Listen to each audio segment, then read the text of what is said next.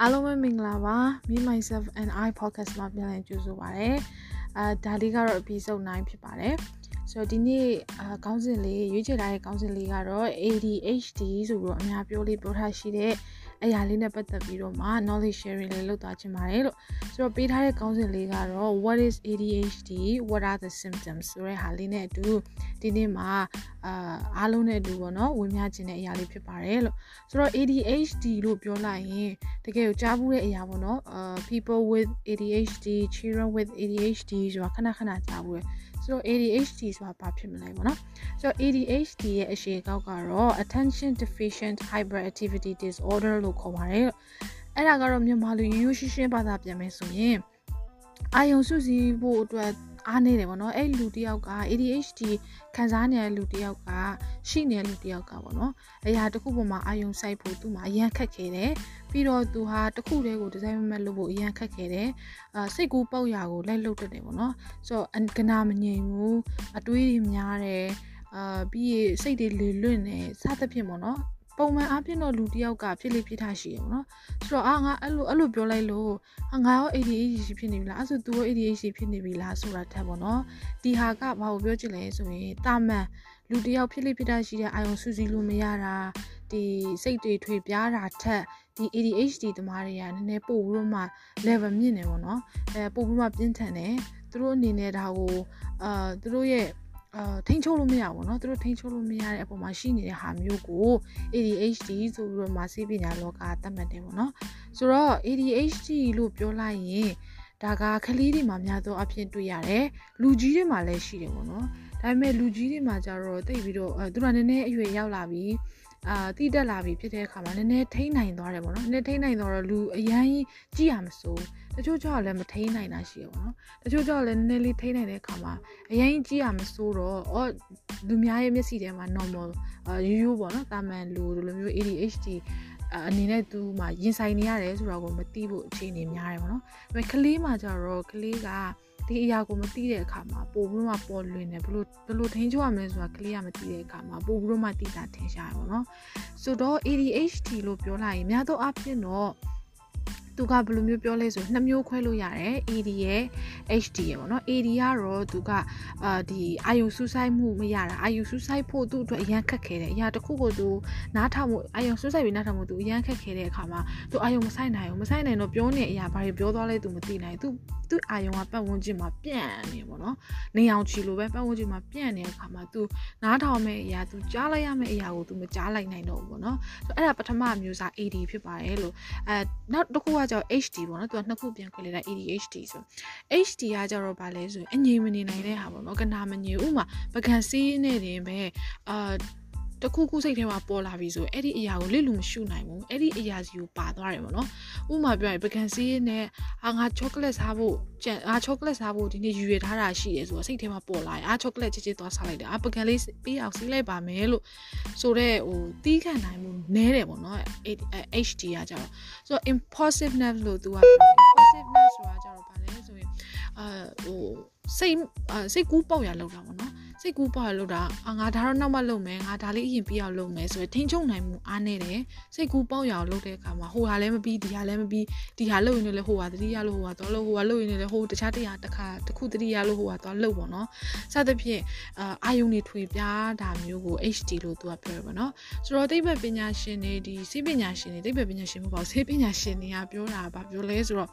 ADHD ကမဲ့တော့ဖြစ်ပူးတွဲပြီးတော့လာတယ်ပေါ့နော် AD ရှိရ HD လည်းရှိတယ်တချို့ကြောင့်လည်း AD ပဲရှိရတချို့ကြောင့်လည်း HD ပဲရှိရပေါ့နော်စသဖြင့်ရှိပါရဲ့လို့ဆိုတော့ဒီမှာဘောနော်ဒီဒီသူတေသနာပညာရှင်တွေက လေ့လာတဲ့အခါဘာသွားတွေ့လဲဆိုတော့ ADHD ကိုခံစားရတဲ့လူအများစုဟာယောက်ျားလေးတွေဖြစ်တယ်ဆိုပြီးတော့မှာပေါ့နော်သူတို့ကဒီသူတေသနာမှာဖော်ပြထားပါ main ကလေးတဲ့ယောက်ျားလေးမှာပုံတွေ့ရလွယ်တယ်တဲ့ပိုအပိုတွေ့ရများတယ်ပေါ့နော်ဆိုတော့ဒါကြောင့်လဲမြောက်ယောက်ျားလေးတော်တော်များများမြောက်ရှုံးအောင်စော့တယ်တို့အကနာကိုမငြိမ်ဘူးတို့စသဖြင့်ပေါ့နော်အဲအဲ့လိုမျိုးလေးတွေကြားလေးကြားထားလဲရှိတယ်ပေါ့နော်ဆိုတော့ပထမဦးဆုံးတစ်ခုကိုအကျအကျဲကျဲလေးပြန်ရှင်းမယ်ပေါ့နော် AD ဆိုတဲ့ attention မပေးနိုင်ဘူးအာအာယုံမစူးစိုက်နိုင်ဘူးအဲ့ဒီအရာကိုကိုကကိုစီမှာရှိနေလားဆိုတာကိုသိရဖို့အတွက်ဘယ်လိုမျိုးလက္ခဏာရှိလဲဆိုရင် AD လို့ပြောလိုက်တဲ့ attention deficient ပေါ့နော်အာယုံစူးစိုက်မှုနည်းတဲ့အရာကိုသင်အာခံစားနေရပြီဆိုရင် तू ကဘယ်လိုမျိုးအချက်တွေပြလဲဆိုရင်အာယုခုနပြောလို့အာယုံစူးစိုက်လို့မရဘူးဒီဥမာတခုခုကိုနားထောင်နေဆ iam မဆက်တင်နေအောင်နားထောင်နေရင်ဟိုးတောက်ကလေးမှာကတ်နေတဲ့ဟို အာဗာလဲဖင်လေးဒီအက်ကလေးရဲ့ထိတ်ကအယောင်အဝါလေးကသူ့အာယုံလာဆွဲဆောင်နေပေါ့နော်အဲ့ဒီဘောအာယုံကရောက်သွားပြီးရင်ခဏနေဆီယမစတင်နေနားထောင်ရင်းနဲ့ဟိုမှာခဝိုးမှာအာအိမ်မြောင်ကျွတ်ထိုးရဲစီကိုအာယုံရောက်သွားအပြီးခဏနေဟိုငှက်ကပြန်လာတာအဲ့ငှက်နောက်အာယုံပါသွားတယ်ပြီးခဏနေပြီးနားမှာဟိုတငယ်ချင်းကဒီတတတတတတတဘောမှန်ခောက်တဲ့ဘောစီအာယုံရောက်သွားလူမျိုးနော်အာယုံကပြန့်လွယ်တယ်အရန်ပြန့်လွယ်တယ်စူးစီကခတ်တယ် alumiu la kanab ခဏာပေါ်တယ်ပေါ့နော်ပြီးနောက်တစ်ခုကကျတော့ careless mistake လို့ခေါ်တယ်ရှမ်းတာပေါ့နော်မြန်မာမှာကျတော့ရှမ်းတယ်လို့ပြောတယ်။အော်ဥမာအပိုင်းကနေဆွဲပြီးတော့ခလဲမှာမြင်းချောင်းမတားခဲ့တာမျိုးဘာလို့ဆိုဒါရှမ်းတယ်လို့သတ်မှတ်တယ်ပေါ့နော်ဆရာဆရာမတွေက။ဒါပေမဲ့ဒီမှာကျတော့လေသူက attention မရှိတဲ့အခါမှာသူ့အာယုံကအာလွင့်နေတဲ့အခါမှာသူဒီမှာအာယုံမရှိတော့အာပီပီပီပီရောလောက်လိုက်တာမျိုးဂယုမဆိုင်နေတာမျိုးဘယ်ဟာမားလဲဘယ်ဟာမှန်လဲသူအာယုံတေးချမဆိုင်နိုင်ဘူးเนาะဆိုတော့ဒီလိုမျိုးမဖြစ်တဲ့အမှားတွေမလုပ်သင့်ဘူးဟာဒါ ဟိုဒါတာမန်အနေနဲ့မလုပ်သင့်ပါဘူးလို့ထင်တဲ့အမှားတွေပေါ့နော်အဲ့လိုမျိုးတွေလုံးလေလုံးထားရှိရဲလုံးမိတယ်ပေါ့နော်ပြီးတော့ရင်အလွယ်တကူမေ့လွယ်တယ်ပေါ့အခုပဲနင်းအာရေခဲတက်တာတွေကကြက်ဥသုံးလုံးထုတ်ခဲ့လို့ဟိုမိအမေကပြောလိုက်တယ်အမကပြောလိုက်တယ်အတော်ကပြောလိုက်တယ်ရေခဲတက်တာရှိရောက်တဲ့အခါမှာကြက်ဥဘယ်နှလုံးဆိုတာပြန်မေးတယ်ပေါ့နော်ဆိုတော့အာသူကအာယုံကလွင့်နေတဲ့အခါမှာသူ သူများပြောတဲ့ဟာကိုသူတေချာ catch မလုပ်နိုင်ဘူးเนาะပြီးတော့နောက်တစ်ခုရှိတာဗာလဲဆိုရင်သူတို့မှာအတိတ်ကဘာတွေ့ရလဲဆိုရင်ဒီသူများကပြောတဲ့ instruction ပေါ့နော်ဒါလုပ်ဒါလုပ်ဒါလုပ်ဒါလုပ်ဒါပြီးရင်ဒါလုပ်ဒါပြီးရင်ဒါလုပ်ဆိုတဲ့အရာကိုသူတို့လွယ်လွယ်ကူကူမလိုက်ရှောက်နိုင်ဘူးနော်ဥပမာပြောရမယ်ဆိုရင်ရေခဲတဲ့တွေကိုသွားကုနာထားနော်ရေခဲတဲ့တွေသွားကျုပ်သုံးလုံးထုတ်ခဲ့ပြီးရင်ခောက်ပြီးရင်အခွန်လွတ်ပြပြီးရင်အဲကျုပ်ကိုခောက်ပြီးတော့စားထည့်ပြီးတော့အာအိုးထဲကိုထည့်ကြောပြီးတော့ယူလာခဲ့ဆိုတဲ့ဟာလေးကိုတော့သူတို့တချို့တော်တော်များများပေါ့နော် အာလိုက်ရှောက်ဖို့ခက်တယ်။ဘာဖြစ်လဲဆိုတော့သူတို့ကအာယုန်တွေပြအများနေတဲ့အခါမှာဒီຢာကိုသူတို့ခုနပြောသလိုအလွယ်တကူမေ့သွားနိုင်တယ်။အလွယ်တကူမေ့တတ်တဲ့အခါမှာသူတို့တော့ခက်ခဲတယ်ဒီຢာကိုလိုက်ရှောက်ရတာပေါ့နော်။ဆိုတော့နောက်တစ်ခုကကျတော့ဗာလဲဆိုရင်ခုနပြောသလိုပဲအဲသူတို့ကဘာတစ်ချက်ထပ်တွေ့ရလဲဆိုရင်အာဒီအလုပ်တစ်ခုခုလုပ်တဲ့အခါမှာ organize မဖြစ်ဘူးပေါ့နော်တည်တည်ချာချာသူတို့မလုပ်နိုင်ဘူးသူတို့မှာအဲတည်ချာလုပ်နိုင်မယ်ဆိုရင်ငါအဲ့အာယုံ စိုက်မှုမရှိတဲ့အတွက်ကြောင့်ပေါ့နော်ထိခိုက်တယ်ပေါ့ဆိုတော့ဒီအချက်လေးတွေတွေးတဲ့အခါမှာအဲမြတ်သောအဖြစ်လူတချို့တလေမှာတွေးလေတွေးထားရှိတယ်ပေါ့နော်မြတ်သောအဖြစ်ဖြစ်တဲ့တရားတစ်ခုခုစိတ်ထဲတစ်ခုခုရောက်လာတဲ့အခါမှာဒီအရာကိုယူမဆိုင်နိုင်တော့တာမျိုးရှိရပေါ့ဒါပေမဲ့ဒါမျိုးကြတော့ဒါမျိုးကြတော့ तू ကနေ့စဉ်နဲ့ तू ကခံစားနေရတာပေါ့နော်ဆိုတော့ဒီလိုမျိုး AD သမားတွေ AD ခံစားနေရတယ်ဆိုတော့မြတ်သောအဖြစ်ကလေးတွေမှာတွေ့ရပါတော့ကလေးတွေကဥမာဆီယာမကစတင်တဲ့အရှိမှာကလေးက AD လိုမျိုးဖြစ်နေတဲ့အခါမှာ AD symptoms တွေဖြစ်နေတဲ့အခါမှာ तू အာယုံမဆိုင်နိုင်ဘူးဆရာမတင်လိုက်တဲ့စာလဲ तू မရဘူးမရတဲ့အခါစာမွေးဖြစ်တော့ကြတယ်ပေါ့နော်ဆိုတော့ကလေးညံ့နေဖြစ်သွားတာပေါ့အမှန်တော့ကလေးညံ့တာမဟုတ်ဘူးကလေးမှာအာယုံစူးစိုက်မှုခက်ခဲတယ်ဆိုရယ်ဒီယောဂါတော့မဟုတ်ဘူးเนาะဒီအရာက तू ရှိနေတဲ့အခါမှာ तू အာယုံမဆိုင်နိုင်တဲ့အတွက် तू မကြားဘူးမကြားလိုက်တဲ့အခါမှာစာမွေးမှာ तू မဖြစ်လိုက်နိုင်ဘူးမဆီယမပြောလိုက်တယ်စာမွေးဖြစ်ရင်นี่အာဘာလန် အဲကွက်လက်ကိုမင်းချောင်းတားပေးပါစာမိုးကမင်းချောင်းတားအောင်တားမယ်နော်နင်တို့မတားရင်အမှတ်လျှော့မယ်လို့ပြောလိုက်ပေမဲ့သူဟာအာယုံလွင့်နေတယ်ဒီအရာကိုအာယုံမဆိုင်နိုင်တဲ့အခါမှာသူတားချင်မှတားမယ်ဆိုတော့အမက်လျှော့လိုက်တယ်အဲ့လိုမျိုးကြတော့ဒီလောက်တေချာပြောတော့မမိဘူးလားဒီလောက်တေချာပြောထားရတာမှခကြီးမဆိုင်ဘူးဆီယမဟုတ်ဘာညာဘူးပေါ့နော်ဆိုတော့ကလေးကိုစိတ်ဆိုးတက်တယ်ဆိုတော့ကလေးမှာဒီလိုမျိုးအာ AD ဆိုတဲ့အာယုံစူးစိုက်ဖို့ခက်တဲ့အရာ မျိုးခံစားနေရတဲ့အခါမှာသူ့အနေနဲ့ပေါ့နော်အာငါအသုံးမကျပါလားငါဟာအာငတုံးပါလားငါညံမကောင်းပါလားဆိုပြီးတော့သူများတွေကဆက်ဆံတဲ့အခါမှာကလေးကစိတ်သက်ကြနိုင်တယ်ပေါ့နော်ဆိုတော့ဒါကတော့ AD ဖြစ်ပါရဲ့လို့နောက်တစ်ခုကကျတော့ HD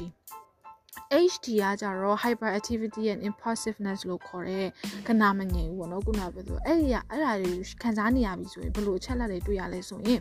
သူကတနေရာသေးမှငြိမ်ထိုင်လို့မရဘူး ခုနပြောလို့ကနာမငြိမ်ဘူးပေါ့နော်တနေရာထဲမှာငြိမ်ငြိမ်ထိုင်လို့မရဘူးသူ့အတွေးထဲမှာအာပြောနေတာတွေအများကြီးပဲအာငါဟိုမှာငါတကားမြဖွင့်ခဲ့လားအာအဲ့ရရောသိငယ်လားငါစားလို့ရအောင်မလားအဖုန်းကြည့်လိုက်ရင်ကောင်းမလားအဲစသဖြင့်ပေါ့နော်ဟိုအရန်များတဲ့ကသူညင်ညင်ဟို meditation လိုမျိုးပုံစံသူထိုင်လို့မရဘူးညင်ညင်ထိုင်နေလို့မရဘူးတနေရာမှာအဲ့ဒီနေရာက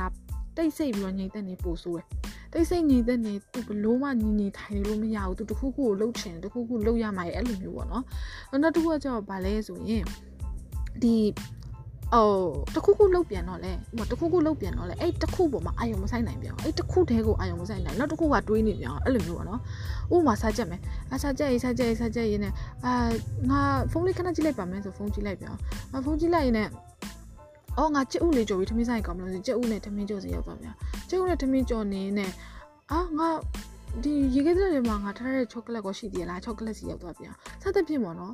အဲတခုခုပေါ်မှာသူအာယုံစူးဆိုင်နိုင်ရင်သူစီမှာကနာမငြိသူ့ရဲ့အတွေးတွေကအများကြီးဟိုလှုပ်လိုက်ဒီလှုပ်လိုက်ဒီလှုပ်လိုက်ဟိုလှုပ်လိုက်ဆိုတဲ့ပုံစံမျိုးတွေ့ရတယ်ပေါ့နော် HD ရှိနေတဲ့လူတွေအတွက်က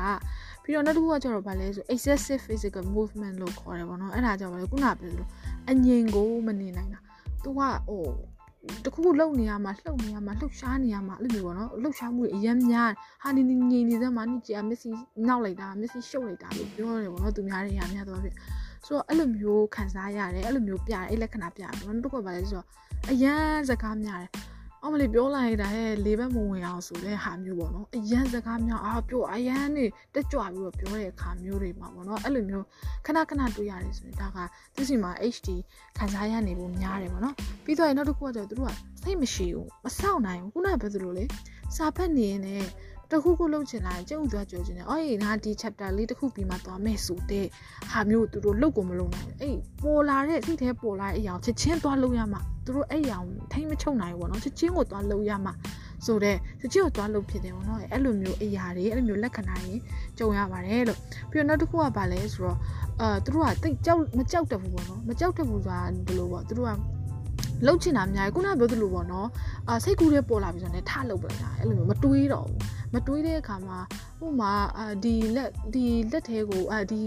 အာမီဒီယိုသွားကြရင်ငါတက်လိုက်မလား မီဒီယိုတွေများပေါက်နေလားအဲ့လိုမျိုးကိုသူတို့မတွေးဘူးငါမီဒီယိုကိုကင်ကြည့်မယ်မီဒီယိုတစ်ခုခုဖြစ်နေလို့ကင်လိုက်တာပဲဆိုတော့အဲ့လိုမျိုးပေါ့နော်ဆိုတော့အမ်အတွေးမများအတွေး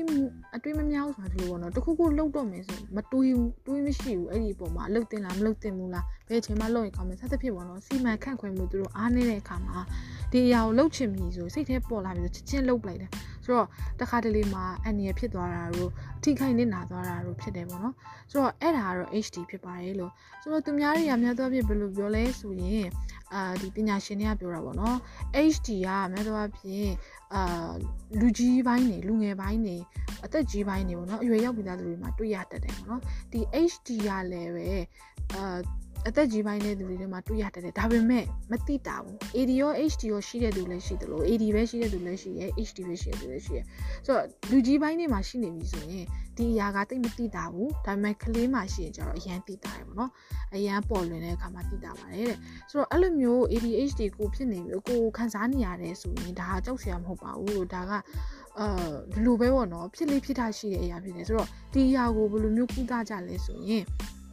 သူကပထမဦးဆုံးအနေနဲ့ treatment အနေနဲ့ medication ပေးတယ်လို့ဒီမှာဆေးပညာမှာဖော်ပြထားရပါတော့အာဆေးဝါးပေးတယ်ကိုယ့်ရဲ့အာယုံကြောစနစ်ကိုကိုအာယုံဆွဆိုင်မှုကူညီနိုင်မဲ့ဆေးဝါးလိုမျိုးပေးတယ်ပေါ့နော်အဲအများသောအားဖြင့်တော့တော်တော်ကိုသုံးပြုကြတဲ့နည်းလမ်းဖြစ်ပါတယ်လို့ဆိုတော့နောက်တစ်ခုကကျတော့ဗာလဲဆိုရင်အာတခုခုကိုစူးစမ်းပြီးတော့လုပ်တာပေါ့နော်ဟိုပကြီးဆွဲတာတို့ကိုစိတ်ဝင်စားတဲ့အရာပေါ့နော်ကိုစိတ်ဝင်စားတဲ့အရာကိုစူးစမ်းပြီးတော့ အာလှုပ်ကြည့်တာပေါ့တနားရီငါဒါရအောင်လှုပ်မယ်ဆိုတနားရီတွင်းကိုရအောင်လှုပ်တယ်တခြားဘာပဲစိတ်ထဲမှာပေါ်လာပေါ်လာသွားမလှုပ်ဘူးဒီထိန်းချုပ်ကြည့်တာပေါ့နော်အဲ့လိုမျိုးတဖြည်းဖြည်းနဲ့ထိန်းချုပ်နိုင်တယ်ခေါနောက်ပိုင်းမှာထိန်းချုပ်သွားနိုင်တယ်ပေါ့ဆိုတော့ကိုကကိုတယောက်တည်းမလုပ်နိုင်ဘူးဆိုရင်ဒီပညာရှင်တွေပေါ့နော်ဒီအရာကိုတက်တဲ့အာနယ်ပယ်ကပညာနယ်ပယ်ကလူတွေရဲ့အကူအညီနဲ့ပဲဖြစ်ဖြစ်ကိုမိသားစုအကူအညီနဲ့ပဲဖြစ်ဖြစ်လုပ်လို့ရတယ်ပေါ့နော်ဆိုတော့ကိုဘာစိတ်ဝင်စားလဲပတိဆွေးရစိတ်ဝင်စားလားလက်မှုလေးလုပ်ရစိတ်ဝင်စားလားဆိုတော့ လုပ်ပြီးရင်9မိနစ်မကြာဘူးစိတ်မရှိတော့ဘူးဒီထဲမှာအဲမဆိုင်နိုင်တော့ဘူးဆိုတာမျိုးကိုနည်းနည်းလေး train နေနေ9မိနစ်ကနေ10မိနစ်လေး10မိနစ်ကနေ15မိနစ်လေးပေါ့နော်အဲအဲ့လိုမျိုးလေးလုပ်ကြည့်ပေးရင်တဲ့ဒီအရာကိုပေါ့နော်တဖြည်းဖြည်းအာ control လုပ်နိုင်မှာဖြစ်ပါတယ်ဆိုပြီးတော့ဒီစိတ်ပညာဖော်ပြထားရပေါ့နော် ပြီးတော့သူတို့ကိုအဲ့လို ADHD ခံစားနေတဲ့သူတွေကသူတို့ကိုသူတို့တောင်မှစိတ်ရှုပ်တယ်အရင်။အဲ့လိုသူတို့စီမှာဟိုစိတ်ထဲမှာပေါ်လာရင်များတယ်။ဟိုအတန်ကြားလိုက်လဲသူတို့ကအာယုံရောက်သွားပြီဒီအတန်ကြားလိုက်လဲအာယုံရောက်သွားပြီဆိုတော့သူတို့ကိုသူတို့တောင်စိတ်ရှုပ်တယ်ပေါ့နော်။ဆိုတော့သူတို့ကိုပတ်ဝန်းကျင်မှာရှိတဲ့သူတွေတငယ်ချင်းတွေမိတ်ဆွေတွေမိဘတွေဆရာဆရာမတွေကမေတ္တာပြပေးရမယ်ပေါ့နော်။အဲ့လိုမေတ္တာပြပြီးတဲ့အခါမှာသူတို့ကအာမေတ္တာတက်ကိုခံစားရတဲ့အခါမှာဒီအရာတပြေးပြေးနဲ့အာဒီ ADHD ကို တဖြည်းဖြည်းနဲ့သူတို့ထိန်းချုပ်လာနိုင်တယ်ပေါ့နော်သူမြစ်တာပြပေးဖို့လိုတယ်လို့လည်းပြောပါတယ်လို့ပြီးတော့နောက်တစ်ခုကဘာလဲဆိုသူတို့ကိုအာ instruction ပေးတဲ့အခါမှာခုနပြောလို့ဒါလုတ်ဒါလုတ်ဒါလုတ်လို့ instruction ပေးတဲ့အခါမှာရိုးရိုးတာမန်နားလေလွယ်တဲ့စကားလုံးနဲ့ပဲ ပြောပေးရမယ်ပေါ့နော်အဲအဲ့လိုမျိုးပြောပေးခြင်းအပြင်သူတို့ရဲ့နားလည်မှုပို့ပြီးတော့မြင့်တင်ပေးနိုင်ပါတယ်လို့ပြီးတော့ကုနာကပြောတဲ့အရေးကြီးဆုံးအချက်ကတော့ဗာလဲဆိုရင်သူတို့ကိုသူတို့ထိန်းချုပ်လာနိုင်ဖို့အတွက်ဒီစိတ်ထဲမှာဖြစ်လာတဲ့အရာကိုဒိုင်လဲလဲမလုပ်ဖို့ဥမာအတန်တန်တန်ကြားလိုက်တဲ့အာရုံရောက်သွားပြီမဲ့အဲ့ဒီဒီမူရင်းနေအောင်အာယုံပြန်ထားနိုင်မှုစသဖြင့်ပေါ့နော်တဖြည်းဖြည်းခုနပြောသလိုလက်ကျင့် ပေးမယ်ဆိုရင်ဒါဟာတကယ်ဥမာသူတို့အာထိန်းချုပ်နိုင်သွားရင် ADHD ဆိုတာမဟုတ်တော့ဘူးပေါ့နော်ထိန်းချုပ်သွားနိုင်ပုံမှန်တာမန်လူလိုပဲဖြစ်သွားမှာဖြစ်ပါတယ်လို့အမှန်တကယ်တာမန်လူပါပဲတာမန်လူပဲဒါပေမဲ့သူတို့မထိန်းချုပ်လိုက်တဲ့မထိန်းချုပ်နိုင်တော့တဲ့အခါမှာဒီအရာဖြစ်သွားဘူးနော်ဆိုတော့ပြန်ထိန်းချုပ်နိုင်ဖို့စူးစမ်းတဲ့အခါမှာပြန်ထိန်းချုပ်နိုင်သွားရင်ဒါဟာသူတို့အတွက်အများကြီးကောင်းတယ်နေ့စဉ်ပေါ်မှာအများကြီးအကျိုးရှိရပေါ့နော် ဆိုတော့ဒီဟာလေးကတော့အားလုံးအာဒီဗီဒီယိုတွေ YouTube တွေမှာပြောပြောနေတဲ့ ADHD ပေါ့နော် ADHD နဲ့ပတ်သက်တယ်လူကကြည့်လိုက်ရင်တော့ကောင်းမယ်ဒါပေမဲ့သူတို့အာယုန်တွေထွေပြားနေတယ်စိတ်ဝင်စားမှုတွေအာစိတ်စိတ်ဝင်စားမှုကိုတနည်းအားမှာအပြာကြီးမထားနိုင်ဘူးအာစိတ်ထဲပေါက်တာတွေလုံနေရတယ်ပေါ့နော်ဆိုတော့အဲအဲ့လိုမျိုး ADHD သမားတွေအခုလိုမျိုးလက္ခဏာလေးတွေကိုကိုထိန်းချုပ်မနိုင်တော့ဘူးပေါ့နော်ဒီလက္ခဏာတွေဒီလိုမျိုးလက္ခဏာတွေကြုံကြုံနေရတယ်နေ့စဉ်ပုံမှာပြနေတယ် ထိန်းချုပ်ဖို့လည်းခက်ခဲတယ်ဆိုရင်ခုနပြောသလိုပဲဆရာဝန်နဲ့ပြကြည့်တာအကောင်းဆုံးဖြစ်ပါတယ်လို့ဆရာဝန်နဲ့ပြပြီးတော့ဆရာဝန်ကဆေးအာအကူဆေးအနေနဲ့အာယုံကျော်အားဆေးတို့ဒီလိုအပ်တဲ့အားဆေးတို့အိုက်ဆေးပေါ့နော်ပေးလဲပေးမယ်ပြီးကို့အနေနဲ့လည်းဒီခုနပြောသလိုပဲစူးစမ်းပြီးတော့ပေါ့နော် control လုပ်ကြည့်မယ်5မိနစ်ကနေ10မိနစ်10မိနစ်ကနေ15မိနစ်15မိနစ်မိနစ်20အာယုံစူးစိုက်နိုင်အောင်စူးစမ်းမယ်နေ့စဉ်လေ့ကျင့်မယ်ဆိုရင် ဒီ ADHD ဆိုတာဘာမှမဟုတ်ပါဘူးတော့ပြန်ပြီးတော့မှပဲဒီအာယုံစူးစိုက်မှုကိုလုပ်နိုင်မှာဖြစ်ပါတယ်ဆိုတာလေးကိုဒီနေ့ podcast လေးမှာပေါ့နော်အဲ share လုပ်ချင်ပါတယ်လို့ဆိုတော့အကိုမိတ်ဆွေကိုတငယ်ချင်းကိုတူတူမကိုကလေးပေါ့နော်အဲ့လိုမျိုးတွေ့ရတဲ့အခါမှာဟာနေကကနာကိုမငြိမ်ဘူးမြောက်ရှုံးနေကြတဲ့အဲကြည့်လို့မရဘူးဟာ နေတုံးလိုက်တာဒီလောက်ဆီယမပြောနေတာကိုမကြဘူးဘယ်ဒီရောက်နေလဲစိတ်ကအဲအဲ့လိုမျိုးပေါ့နော်မပြောဘဲနဲ့ကိုကလေးအခြေအနေကိုကြည့်ပြီးတော့ခုနပြောတဲ့လက္ခဏာတွေကိုကလေးမှာပေါ်နေပြီဆိုရင်ကုညီပေးပါသူတို့ကိုဒီအရာတွေကို control လုပ်နိုင်ဖို့အာမြစ်တာပြပြီးတော့ကုညီပေးပါလို့ဒီ podcast လေးကနေတိုက်တွန်းရင်းနဲ့ဒီကုန်းချုပ်ပါတယ်အားလုံးကျေးဇူးတင်ပါတယ်နောက်ပြန်တွေ့ပါမယ် bye bye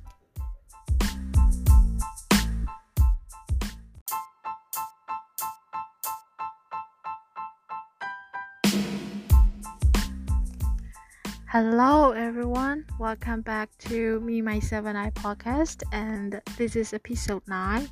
and in this episode I'm going to talk about ADHD. I'm sure that most of you have heard that word a lot. So I give this podcast the title What is ADHD and what are the symptoms? So um, let's get started. ADHD is the short form of attention deficient hyperactivity disorder. So it is a kind of a disease which um, disrupt your attention, uh, which make you find difficult to give your attention to something, and your your concentration um, is easily get distracted and you can control what's in your mind. It's kind of like uh, while you are doing one thing, then there is another thing pop up in your mind, and you want and do that. You go and do that thing. So while you are doing the first things, the first activities, you um, left that activity without finishing it, and then you go and do the other things that pop up in your mind and similarly while, you're doing the second thing and there is one thing pop up in your mind and then you stop doing the second thing and then you also go to and do go and do the uh, the third thing the third task that pop up in your mind. And this is what we call ADHD so ADHD is categorized into two types like AD and HD and some research said people have ADHD, some people have both of it, ADHD, and some people just have AD, or some people just have HD. So AD means attention deficient. So it is like inattentiveness. It is the difficulty of concentrating and focusing on things. So um, for that AD, if you would like to know whether you have AD or not, there are some symptoms that I'm going to share. And the first one is a short attention. You your attention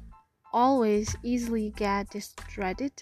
You cannot pay your attention for like 5 minutes and very little thing or very little sound around you can distract your attention. The second one is careless mistakes. As you can concentrate on something, um, to uh, on something for like enough time, you get distracted, so you lose information. That's why you make careless mistakes. And the next one, the next symptoms is forgetful or losing things. That's right, because that's all because of the um, difficult on difficult in concentrating and focusing. That's why you forget things um, and lose things. You don't know where you left that thing as you are thinking something else while you are doing that thing. And the next one is can do time consuming tasks. You cannot, uh, you are not good at performing uh, long, uh, you are not good at performing tasks which need, which demand most of your time. You cannot do a long term task because of the um, short attention because of a short attention and then you get easily distracted and the next one is you can't follow instruction or you can carry out instructions because your you your attentions get distracted by other things just so you don't kind of catch up the construction very well. So mostly um, if it is the instruction is easy and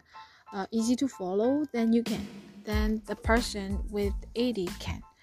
But if the construction is kind of hard and difficult to follow then you lost it in the middle so um, that is AD and for those who just have HD, there are some symptoms which are um, constantly fidgeting. It means you cannot stay stay at a place for like 10 minutes or for 5 minutes. You cannot just sit there. You want to do things. You want to do um, because your mind there are things many, there are many things part of in your mind. So you cannot just sit there you want to do things you want to keep doing it you cannot just like relax and chill. So the next one is unable to concentrate on tasks. As i said while you are doing um, things for example like while you are uh, watching tv your mind go like um, did i close the did i close the stove or did I close the door? Some something like that. So there are always things part up in your mind and you cannot concentrate on watching TV and you go and check those things then you you find difficult to finish the first test. And excessive physical movement. As their minds are full of things, the voices, things to do. So they are moving around all the time. That's why they, they cannot stay so they are moving all the time and excessive physical movement. And also excessive talking. People with hd um, kind of uh, do excessive talking. They talk a lot. And some some some people around them will find them talkative but they talk a lot because there are many things that they want to talk. Why they are talking about like um, climate, then it moved to a drummer,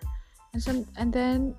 after that, why they are talk when why he or she is talking about the drummer, and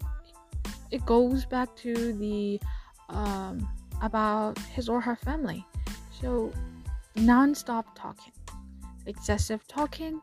and the next one is unable to wait their turn. They do not uh, wait. They do not wait their turn. They can't. It will be more correct if I say they can't. They are not patient enough to uh, wait for their turn, wait um, and make them wait not to do the thing they want to. So they find themselves quite in, in, impatient. And also acting without thinking, of course. They are not patient. That's why they whenever something pop up in their mind, they go and do that thing without giving a thing, without oh sorry, without giving a thinking. That's why they kind of like do not have little or no sense of danger because they don't think before they really do. They just did it. They just do it when they wanna, when the thing pop up in their mind, you know, on impulse. That's why sometimes they fall down and they get um, hurt. And also the next one is interrupting conversation. As I said, they cannot wait their turn. They cannot hold on themselves. That's why they interrupt conversations. They did what they want to do on impulse. So these these these are the symptoms of HD. As I said, some people have ADHD and AD, and some just have AD or HD. So some researchers um, have found that those AD and HD usually mostly found in boys more than girls. I think that's why boys cannot sit still and uh, they are kind of like um, doing they they are like uh, they keep doing things i think but i have found some boy or some man who like just sit stay sitting still no i'm just joking. So mostly it is found in boys more than in girls. And also there it is more it is more adhd is more visible more noticeable in children um, than in adults because adults are kind of becoming mature and they know how to deal with their ADHD and um, it's not like maybe people are not paying that much attention to adults or they just know how to deal with ADHD because they are adults. But in among children's though ADHD is the most noticeable thing. Children are you know they can't control themselves yet and they are like they mostly in common children like to move around and they cannot focus on a thing for such a long time but children with ADHD is more obvious than those children. They if a normal child can focus on a test for 10 minutes uh, a child with ADHD will be just can just focus for one minute or two minutes. They just keep going around and in a classroom it is really um, obvious. A child with adhd cannot listen and pay attention to a teacher explaining the lessons. Instead um, they, their attention get distracted by the bird sound by the um, the the uh, tapping sound of his or her friend. So they miss all those lessons and they don't understand. So their children uh, their parents and the teachers regarded them like they are stupid or they are not good at studying or they have low IQ something like that. But actually they are not. They are just uh, have to they are just having the ADHD so um, People with ADHD, mostly adults with ADHD, most likely to um, have some more along with that thing. They are like anxiety disorder, depression, autism, personality disorders, bipolar disorder, something like that. So if you figure out that you are with ADHD, then as soon as you figure it out, it will it, it is the best that um, you have a conversation with a doctor and uh, find ways how to deal with it. So I prepare some which are usually used in treating ADHD. So uh, the first way is doctors give medications like stimulants uh, which help your nervous system and which is mostly used in the, treatment of ADHD. And also, um, there are some uh, things that you can try, the, the, the people with ADHD can try to control um, their ADHD. So, the first one is um, try to do activities that you are interested in and try to control your uh, your impulsiveness why you are doing that thing. For example like uh, why for example you like drawing so try to draw for like 10 minutes. And within 10 minutes there will be or there will definitely be things pop up in your mind things you want to do um, things you need to check up at once or things you want to do at once but control it for 10 minutes. And then later 15 minutes and then 20 minutes and 25 minutes and 30 minutes and day by day you can control your impulsiveness and that will help you a lot in dealing with ADHD and also um, the and also uh, people this is for people around them. People around them and friends around them need to show them uh, lots of affection because they are they are already you know anxious about themselves. They suffo- suffocated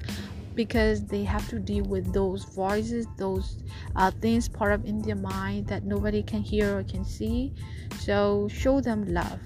and that will give them strength to control those things. So as i said there are uh, two things that you can try. The first one is medication but for that you need to